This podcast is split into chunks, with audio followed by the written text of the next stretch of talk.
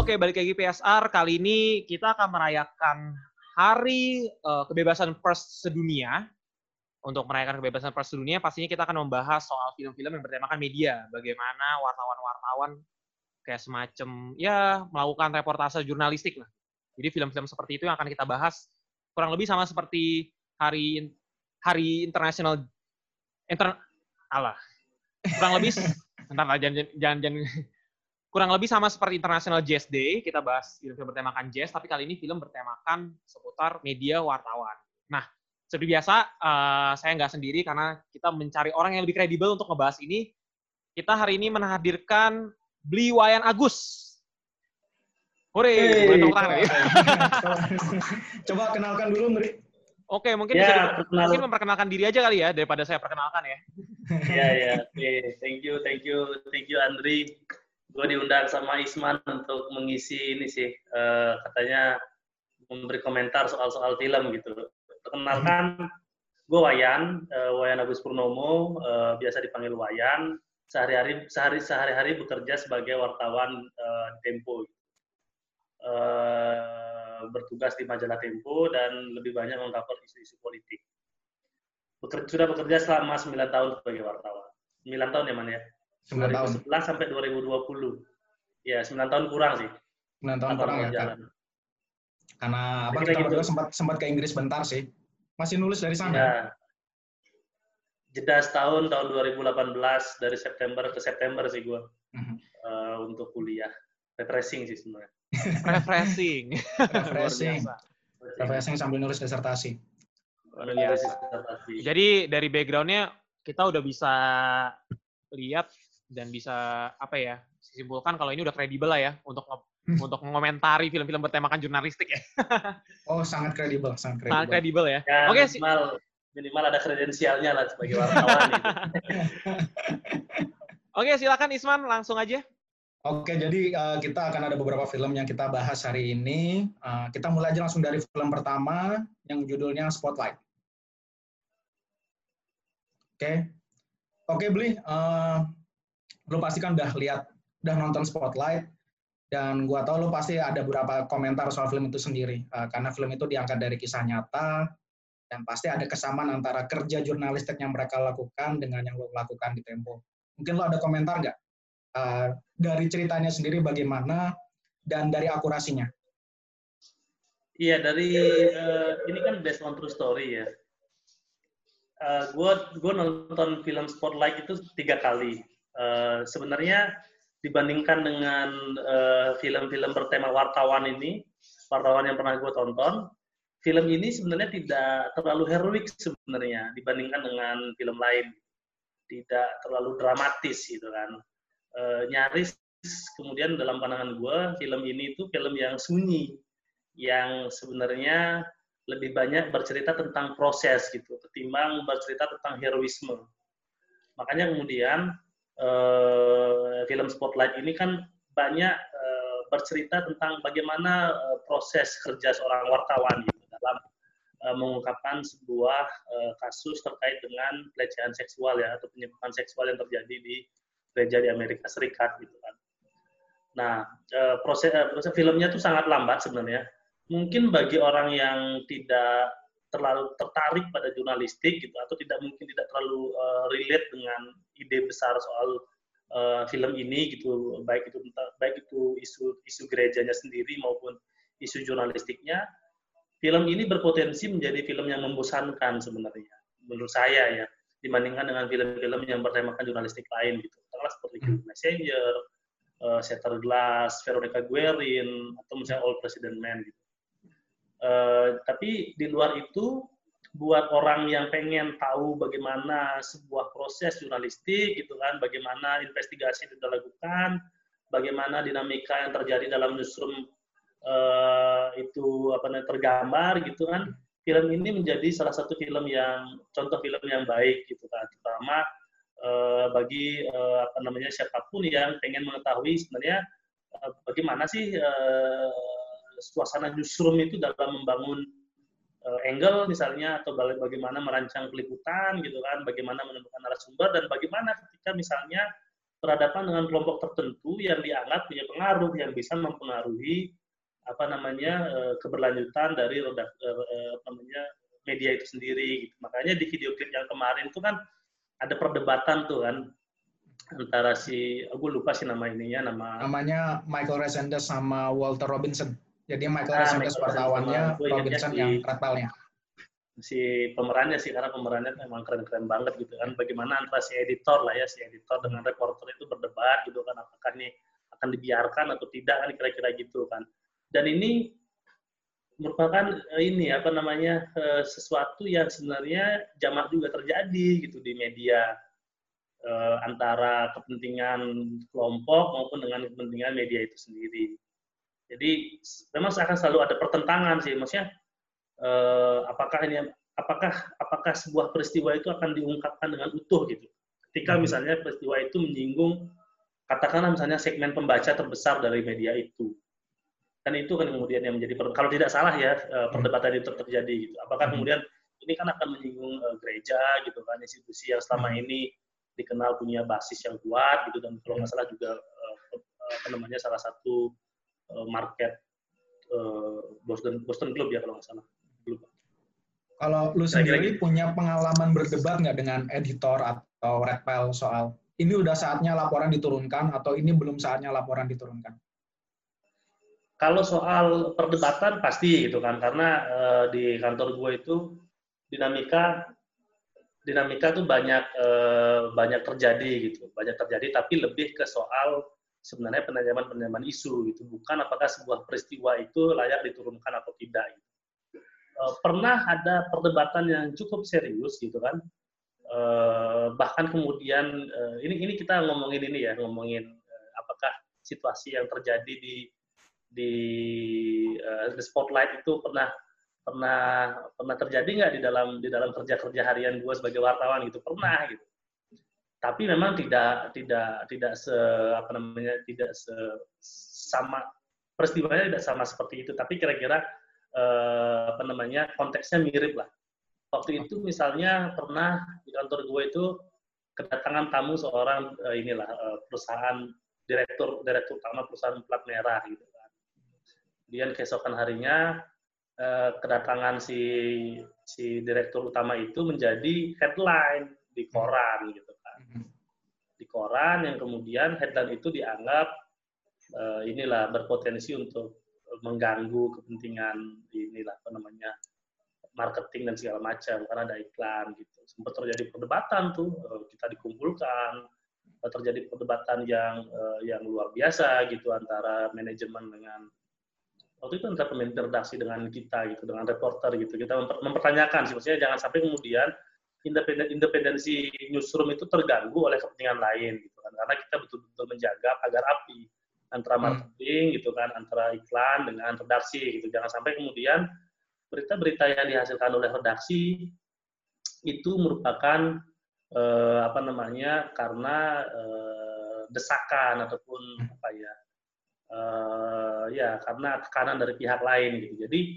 independensi itu mesti dijaga. Independensi dalam arti seluruh keputusan redaksi itu diputuskan lewat rapat redaksi. Jadi bukan karena pengaruh atau tekanan dari pihak lain yang punya kepentingan terhadap terhadap isi pemberitaan gitu.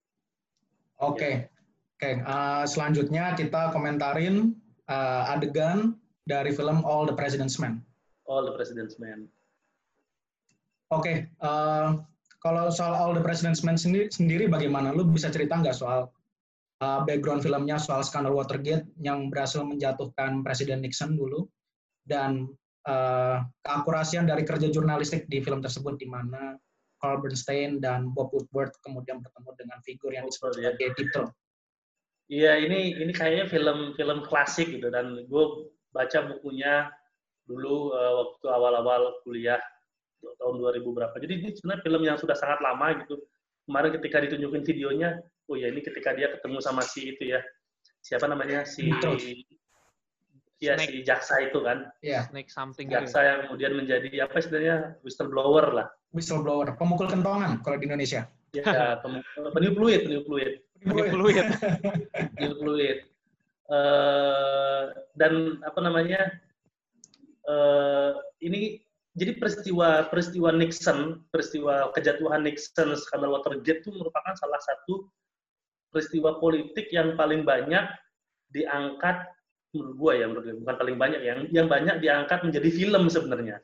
Mungkin mungkin Karena- buat teman-teman sorry sorry motong. Mungkin Hmm. teman-teman yang masih nggak nggak aware sama history, maksudnya sejarah Amerika, mungkin bisa dijelasin dulu nih, ada apa sih dengan Nixon dan apa sih sebenarnya Watergate itu gitu. Jadi eh, Watergate itu apa namanya sebuah peristiwa, sebuah skandal eh, yang melibatkan sejumlah anak buah eh, Nixon gitu kan dari gue lupa tuh dari kalau nggak dari Partai Demokrat. Uh, Nixon Republic. Eh, sorry, iya benar. Oke, benar. Eh, pencurian di kantor Partai Demokrat ya, kira-kira gitu. Pencurian di Ada kantor Partai Demokrat yang belakangan kemudian ketahuan bahwa aktor-aktor di dalam pencurian dokumen itu dilakukan oleh orang-orang dekatnya Nixon gitu. Dan karena kemudian kasus itu dia mengundurkan diri. Karena waktu itu si Nixon itu lagi running, lagi mau running untuk apa namanya eh, Kandidat presiden. periode kedua. Ya. Periode kedua gitu dan dan ada banyak film-film film ini. Jadi All, All the President's Men memang salah satu yang monumental gitu. Tapi kemudian si jaksanya itu yang jadi whistleblower itu juga menjadi film film lain yang baru dirilis tahun 2019 kemarin. Mhm. Judulnya apa ya? Gue lupa tuh. Si yang main tuh si Yang- itu si Liam Neeson ya, ya. Gue juga ingat filmnya, cuma agak lupa judulnya apa. gue lupa judulnya tuh. Jadi ada ada ada ada filmnya lagi gitu khusus si si si jaksa itu yang yang itu bertahun-tahun disimpan eh, dikip namanya oleh si siapa namanya si Bupolda dan kawannya itu. Selama bertahun-tahun dia tidak pernah mengungkapkan siapa sebenarnya orang yang memberikan informasi terkait dengan eh, peristiwa skandal Watergate itu. Nah, dalam konteks hari ini memang eh, ada ada ini ada ada sa- sangat relevan dengan kerja-kerja jurnalistik itu. Bagaimana wartawan itu seharusnya bisa memang bukan seharusnya ya memang secara secara kode etik itu diikat untuk tidak membocorkan sumber anonim sampai kapan pun. Kecuali si sumber anonim itu mau ngomong membuka dirinya sendiri gitu. Mhm. bahkan kalaupun diperintahkan oleh pengadilan pun wartawan itu eh, tidak bisa, tidak boleh membuka siapa sumber anonimnya. Itu makanya si si siapa namanya si eh, dua wartawan eh, itu nggak pernah membuka sumber anonim sampai kemudian si si orangnya sendiri yang kemudian membuka dirinya. Gitu. Apa namanya? Itu setelah gue cek Mark Feld. Dulunya Ah, Marvel ya betul. ya betul. si eh, agen FBI dulunya. Ya, gitu. kemudian dia jadi jaksa waktu itu ya. Iya. Sempat jadi jaksa, kemudian Jadi dia tahu detailnya soal skandal Watergate dan memutuskan untuk jadi whistleblower. Cuman Dan- eh, Paul Bernstein sama Bob Woodward itu nggak pernah mengungkapkan dia siapa, dan Mark Mhm. Feldnya sendiri nggak pernah memberitahukan identitas aslinya dia siapa, seperti itu. Jadi sebenarnya mereka sama-sama nggak tahu. Terus sama nggak tahu ya. Iya. Ya, tapi kemudian Siapa akhirnya belakangan kan ketahuan bahwa si Iya. si siapa namanya si whistleblower itu adalah si si siapa si Mark itu. Mark, Mark Feld. Ya Mark Fell itu. Dan apa namanya? Dan ini salah satu ini ya salah satu film yang memang mengajarkan bagaimana ini juga juga kayak film apa ya? Film babonnya jurnalistik lah buat buat- terutama buat wartawan pemula gitu. Bagaimana sebuah sebenarnya si siapa namanya si dua wartawan itu kan bukan wartawan politik sebenarnya Bukan. si eh, Carl Bernstein sama sama Bob Woodward Bob itu. Mereka tuh wartawan Metro. mhm. Jadi Oh, wow. yang urusannya Iya, berita mereka tuh wartawan metropolitan yang Isu-isu ngurus perkotaan. Isu apa namanya? Isu kriminal ya. Iya. I see, I Isu see. kriminal gitu, itu nggak sengaja aja gitu. Maksudnya kadang-kadang menjadi legenda itu juga karena faktor ketidaksengajaan juga sih sebenarnya. Walaupun eh, kemudian setelah itu memang mereka membangun reputasi yang kuat. Sebelum itu, sebelum dan sudah itu mereka membangun reputasi yang kuat sebagai wartawan. Mhm. Nah, tapi dalam konteks eh, si peristiwa tadi memang salah satu pelajaran yang bisa dipetik itu adalah bagaimana apa namanya mereka menjaga, menjaga menjaga kerahasiaan narasumber gitu, tidak akan pernah membuka sampai kapan pun eh, apa namanya identitas narasumber yang yang anonim. Dulu pernah juga eh, Tempo mengalami sama tapi tapi bukan di era gua ya, Eh, di Hmm. era 2002 gitu ketika berhadapan dengan pemimpin Nata gitu kan ada peristiwa eh, kebakaran Tanah Abang gitu kan kemudian Tempo membuat berita gitu kemudian Tempo dituntut sampai ke pengadilan bahkan beberapa orang redaksi juga dipenjara gitu dan oleh pengadilan oleh oleh oleh jaksa oleh oleh pengacara pengacara lawan tuh diminta untuk membuka siapa sebenarnya sumber anonim yang dipakai Tempo. Tapi sampai sekarang kemudian tidak ketahuan. Bahkan dia menjadi misteri aja gitu. Sampai kemudian si penulisnya Mas siapa namanya? Uh, Mas Pik kalau meninggal juga sampai sekarang juga nggak ketahuan siapa ininya siapa sumber anonim waktu itu gitu yang kemudian membuat identitasnya dibawa sampai ke kuburan ya iya sampai itu akhirnya memang memang memang ini pelajaran penting sih bahwa ketika seorang uh, wartawan itu menggunakan sumber anonim gitu kan uh, seluruh tanggung jawab informasi dan seluruh tanggung jawab tanggung jawab apa namanya setelahnya itu menjadi beban wartawan. Problemnya memang adalah uh, ada semacam ini atau ada semacam beban bagaimana menjawab keraguan publik itu karena kan anonim kan. Uh, karena ketika seseorang jangankan anonim, yang tidak anonim aja kadang-kadang bisa menimbulkan keraguan. Apalagi yang uh, apa namanya informasi yang disebarkan oleh sumber anonim. Gitu. Karena itu kemudian salah satu hal penting ketika kita mendapat informasi dari sumber anonim uh, buat wartawan itu adalah uh, bagaimana memverifikasi informasi itu gitu agar minimal informasi itu mendekati kebenaran yang sebenar-benarnya itu. Karena kan kita tidak mungkin menulis kebenaran kan. Karena kan ketika ketika kita menjadi wartawan tuh yang sedang kita tulis kan kita yang sedang yang sedang kita lakukan kan kita sedang mendekati kebenaran gitu. Jadi kita tidak akan pernah bisa mencapai kebenaran yang sempurna yang pernah terjadi di masa lalu gitu. Tapi melalui proses yang ketat gitu kan, verifikasi gitu kan, kemudian bagaimana melakukan cross check atas semua informasi gitu kan bagaimana melakukan validasi terhadap informasi nah itu yang kemudian penting untuk dilakukan wartawan makanya kemudian mereka tuh menghasilkan karya yang monumental yang buat seorang presiden Amerika pada waktu mundur itu menjadi salah satu skandal terbesar dalam sejarah politik Amerika gitu. sampai saat ini mungkin. Oke. Nah, oke selanjutnya kita komentari soal film Kill the Messenger. Ah, Kill the Messenger. Oke, gimana beli soal Kill the Messenger? Lalu pernah di dalam posisi yang sama nggak ketika kredibilitas lo sebagai wartawan berusaha dibunuh seperti yang di film Kill the Messenger? Atau lo bisa dulu Kill the Messenger gimana? Iya, Kill the Messenger ini cerita tentang seorang wartawan, gue lupa juga namanya si siapa namanya? Gary Webb. Gary Webb. Jeremy Renner yang gue ingat malah, gue ingat nama yeah. pemerannya malah. wartawan, eh, Gary Webb, Gary Webb, Gary wartawan. Webb. Dia, dia juga wartawan, wartawan gitu dia pemenang Pulitzer uh, sebenarnya The Mercury apa gitu gue lupa uh, sebuah media yang sebenarnya tidak terlalu inilah tidak terlalu besar gitu di Amerika uh, gitu San Jose Mercury News San Jose Mercury News nah, okay. Uh, betul uh, bukan bukan media yang ini ya yang yang yang punya nama besar seperti New York hmm. Times atau Washington Post gitu hmm. tapi memang dia uh, media yang sebenarnya ya mungkin uh, besar tapi tidak besar banget gitu dan apa namanya dan si Gary Webb ini juga merupakan wartawan yang bagus gitu maksudnya yang kredibel karena dia pernah meraih Pulitzer gitu. Nah problemnya adalah si seluruh proses investigasi yang dilakukan oleh dalam dalam dalam dalam cerita Kill the Messenger dilakukan seorang diri gitu kan. Ketika dia masuk penjara kemudian dia diragu, diragukan oleh sidang redaksi itu masuk penjara gitu kan. Bertemu dengan orang yang yang dianggap memiliki informasi mengenai bagaimana CIA itu bermain dalam penyelundupan e, narkotika gitu untuk membantu pemberontak di, di Nicaragua gitu. Karena waktu itu ini juga, kalau nggak salah rezimnya siapa ya? Nixon juga kalau nggak salah ya? Rezimnya Nixon juga? Rezimnya Nixon karena eh, itu, itu oh sorry sorry itu karena waktu itu di Amerika Tengah tuh kan lagi ada kebangkitan e, komunisme kan dan Amerika kan berada pada sisi yang berbeda gitu jadi bagaimana si Amerika itu berusaha untuk mencegah negara-negara di, uh, di di apa namanya di Amerika Tengah itu berhaluan komunis gitu. Makanya dia membantu si uh, apa namanya kelompok pemberontak kira-kira kira-kira gitulah dan salah satu caranya adalah menyelundupkan narkoba. Ya, sorry membantu menjual narkoba yang yang disuplai oleh si si pemberontak-pemberontak itu gitu. Kira-kira gitulah eh, teori konspirasinya gitu. Nah, si si Gary Webb ini mencoba untuk me, apa namanya me, mencari keterlibatan CIA Cuma problemnya adalah karena dia bekerja seorang diri gitu sehingga CIA waktu itu bisa menutup kayak ini lah memfet accompli lah semua proses kerja jurnalistiknya.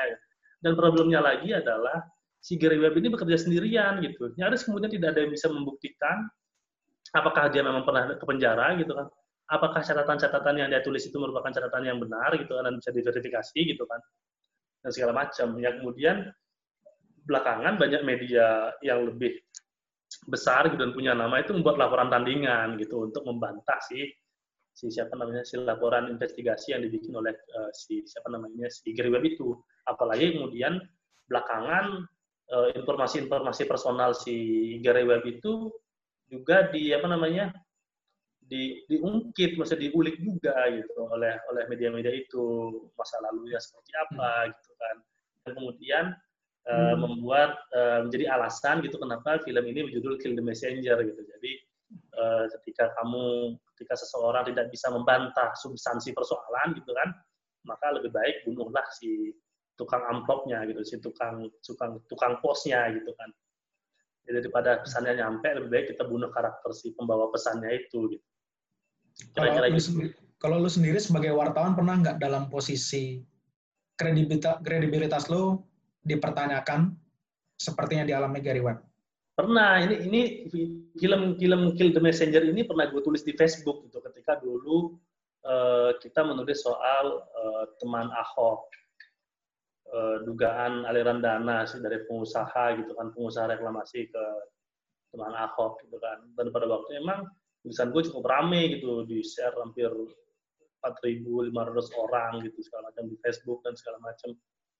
Uh, apa namanya dan kemudian gue dikaitkan, misalnya di, di inilah di, diserang berbagai macam orang gitu, pernah dituduh terima duit, terima amplop, gitu, wartawan bayaran segala macam gitu kan.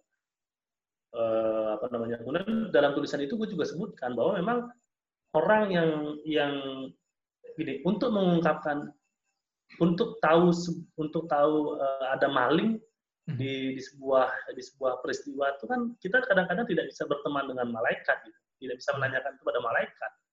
Kita bisa menanyakan itu pada maling gitu kan, atau pada koruptor gitu. Ketika kita pengen tahu sebuah isu korupsi gitu kan, siapa-siapa saja peta gitu kan, orang-orang yang terlibat dalam uh, kasus korupsi itu kan kadang-kadang tidak tidak bisa kita bertanya pada orang baik. Kita harus tanya pada si koruptornya gitu yang ikut bermain gitu kan. Nah, pesan dari si, si siapa namanya si dalam dalam dalam konteks yang lebih besar soal Google Messenger ini ya memang ada problem dalam pembawa pesan gitu. Tapi kan bukan berarti kemudian problem itu meruntuhkan segala macam argumentasi gitu. Uh, argumentasi ataupun info-info yang disampaikan oleh si pembawa pesan setidak kredibel apa pun dia gitu kan kan bisa dicek gitu kan bisa diverifikasi infonya kalau info, informasinya itu valid dan uh, layak dipercaya ya tentu saja bisa kita tulis kira-kira gitu tesis dari Kill the Messenger ini gitu. dan kemudian karena si Gary Webb waktu itu dianggap tidak cukup eh, kredibel uh, gitu maka seluruh argumentasi ataupun seluruh tulisannya juga dianggap tidak kredibel kan gitu. Nah, dan, dan dia dan, akhirnya dan memang, bunuh diri ya. Dan bunuh diri. Dan memang ini ini sih resiko ini sih resiko wartawan sih. Wartawan lagi wartawan investigasi gitu kan. Dia sama kayak si siapa namanya si yang terakhir ini kan ini bukan konteks wartawan ya kayak hmm. radio gitu kan. Ya harus di, di ini di, diruntuhkan dulu ininya hmm. apa namanya reputasinya gitu bahwa dia hmm. dianggap agen asing lah gitu kan hmm. berbohong soal ini gitu. Nah, ketika narasi-narasi itu yang dikembangkan uh, dan orang akan dan orang lebih percaya itu maka kemudian uh, klaim bukan klaim ya informasi yang disampaikan radio pun kemudian dianggap tidak kredibel. Nah kan banyak banyak sekali orang yang menggunakan cara-cara seperti ini gitu. Dia membunuh si si tukang posnya gitu, ketimbang dia membantah substansi persoalannya gitu. Kira-kira gitu. Masih cukup nggak, Dri, untuk lanjut? Udah lebih dari 15 menit ini. Wah, panjang. Tapi kasihkan ya? Iya. Nggak apa-apa, di, di closing aja, di closing.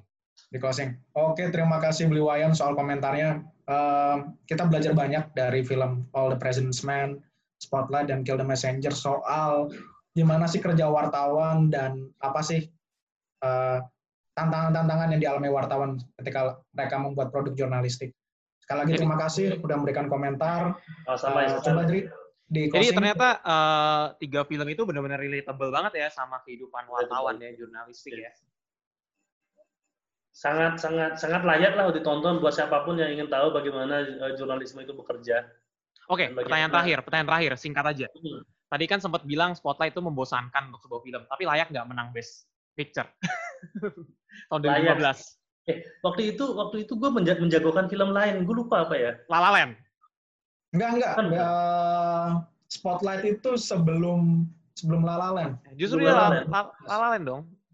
Bukan, bukan. Bukan ya? 2018. Oh iya. Ada film lain, punya saingan-saingan spotlight. Gue gue menjagokan saingannya sih sebenarnya. Mhm. Oh, oke oke. Walaupun ketika spotlight menang ya gue merasa bahwa emang filmnya bagus gitu. Gue sampai nonton tiga kali soalnya. Oh, memang bagus sih. Terus juga cast-nya memang luar biasa. Oke, uh, oke, thank you udah uh, udah mau diundang Beli Wayan. Semoga dengan kita ngebahas ini dan kita tahu fakta-fakta lapangan wartawan tuh sekeras ini gitu ya. dengan hari dengan hari apa nih? Hari pers kebebasan pers sedunia. Semoga kebebasan pers sedunia, pers Press, sedunia, kebebasan pers sedunia, semoga wartawan-wartawan dan media-media yang masih independen dan masih bisa netral dilindungi ya. Jadi Ya, tidak amin. disusupi oleh beberapa orang-orang dengan kepentingan-kepentingan tertentu. Oke, again thank you Beli Wayan udah sharing. Thank you Andri, thank you Isman undangannya. Yo, yo, sama-sama. Semoga bisa menjadi tamu bintang tamu lagi di Stop Rewatch. wah pasti, Ya, kasih, kasih, kasih. pasti. Oke teman-teman, thank you udah nonton. Seperti biasa komen dan subscribe. Akhir kata play it, don't stop, just rewatch. Cut.